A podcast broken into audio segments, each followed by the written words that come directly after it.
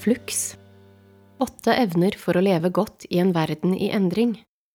Av April Rinnie Oversatt av Ingela Teppi Flatin. Utgitt på Flux forlag. Lest av Tonje Tvinn I 2014 viste forskere ved Harvard University at vi i 47 av vår våken tid tenker på ting som ikke skjer. På den tiden hadde smarttelefoner kun eksistert i tre år. Vi var i startfasen av en periode der mobile enheter forvandlet seg fra å være en telefon til å bli TV, lærer, bankkasserer, leverandør av transport- og mattjenester, reisebyrå, Kirsten Giftekniv, vaskeri, skriftestol og mye mer. Alle disse appene, hver knapp på smarttelefonen din, er enda en kilde til forstyrrelser, en mulighet til å dulte tankene dine i en annen retning, bort fra det magiske livet som utfolder seg rett foran øynene på deg. I dag har etterspørselsøkonomien eksplodert sammen med forventninger om at alt skal skje øyeblikkelig og livsstiler der det både kreves og gis inntrykk av at man alltid er på. I dag tar vi i USA det for gitt at Amazon leverer bestillinger neste dag, om ikke før. Vi bestiller en drosje og blir frustrert hvis det tar lengre tid enn tre minutter, og vi setter bort oppgaver for å spare fem minutter og derved optimalisere livet vårt, til tross for at oppgaven kanskje var en kilde til glede eller betydde at vi holdt kontakt med familie eller venner. Det er bedre å spare tid slik at vi kan være mer produktive. Ulempen er imidlertid at all løpingen gjør at vi føler oss elendig.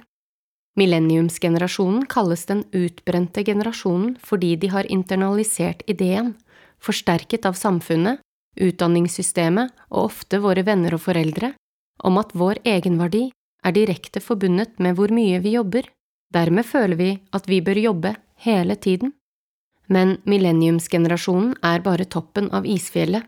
Ledere rapporterer om et stadig økende tidspress, og de bekymrer seg over sine ansatte samtidig som de presses til, og belønnes for, å prioritere kortsiktig avkastning over langsiktig helse.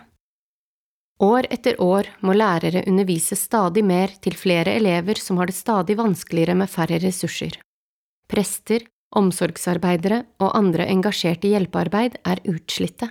Foreldre optimaliserer leketiden for barna sine, og listen bare fortsetter. Dette problemet starter når vi som unge blir fortalt at vi kan og bør gjøre og oppnå alt. Dette er ofte en nyanse av det gamle skriptet. På den ene siden skal det oppmuntre oss til å være ambisiøse og nå mål, og det er fantastisk, men på den andre siden kan det føre til at man opplever å komme til kort. Du gjør ikke nok, tjener ikke nok, eller har ikke nok. Mer om dette i kapittel fem, Kjenn ditt nok. Det underforståtte signalet er du er ikke nok, så fortsett å løpe raskere. Dette kan bli til en type indre trakassering. Det handler ikke om at du ikke er dyktig, men hvis du bare jobber hardere, kan du bli bedre i alt. Paradoksalt nok fører dette til det psykoanalytiker Josh Cohen kaller en merkelig blanding av utbrenthet og angst, en konstant misnøye med hvem vi er og hva vi har, og det får oss til å føle at vi er slavebundne, og ikke at vi har kontroll over det uendelige arbeidet vi utfører for å bli den såkalte beste utgaven av oss selv. Selv om alle livssituasjoner er unike, griper denne virkeligheten der vi må løpe stadig raskere om seg i samfunnet i dag. Både kvinner og menn jager etter å ha alt og få det til. Du løper fortere for å holde tritt med de månedlige utgiftene eller naboens velstand, ekte eller innbilt, mens naboen gjør det samme. Men all denne løpingen er ikke bærekraftig og driver oss fra forstanden, men vi klarer ikke å stoppe. Likevel, ingen andre kommer til å stanse denne karusellen. Din livskvalitet er tett knyttet til din evne til å sakke farten, men dette er svært utfordrende fordi vi lever i en verden, et system, som er utformet med hensikt eller ikke, for å hindre oss i å gjøre det. Du er ikke en liste over gjøremål. Det behøver ikke å være slik. Ikke alle steder og kulturer er så besatt av å løpe fortere og alltid være i aktivitet.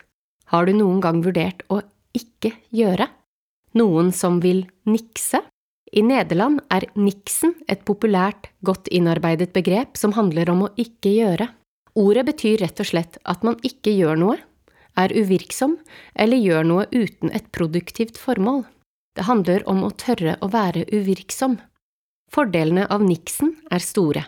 Nederlandske forskere har vist at mennesker som regelmessig nikser, har mindre angst, bedre immunsystem og til og med større kreativitet og evne til å løse problemer. Nøkkelen ligger i å nikse regelmessig. Selv to minutter daglig er en begynnelse helt uten formål og tanke om produktivitet. Å gjøre ingenting fører ofte til det aller beste noen ting. Ole Brumm Wu Wei Kinesisk buddhisme har brukt begrepet Wu Wei, som betyr mangel på anstrengelse, eller handling gjennom minst mulig handling, siden 700 før Kristus. Wu Wei spiller en sentral rolle i taoismens filosofi. Wu-Wei er forskjellig fra Nixon ved å være strategisk. Det er en type selektiv passivitet, der vi tilpasser oss situasjoner istedenfor å forsøke desperat å få kontroll. Wu-Wei kan bare oppnås når du har sakket tempoet nok til virkelig å kunne vurdere situasjonen du står overfor. Wu-Wei sammenlignes ofte med å være i sonen eller i en flytsonetilstand. Det er som vann, trær eller mose. I tillegg til å bøye seg, forme seg og tilpasse seg omverdenen, vind, berggrunn eller jord, kommer deres styrke og robusthet fra langsom vekst. De får kraften sin fra å ikke skynde seg. Da foreldrene mine døde, stoppet verdenen min fullstendig opp samtidig som tempoet tredoblet seg.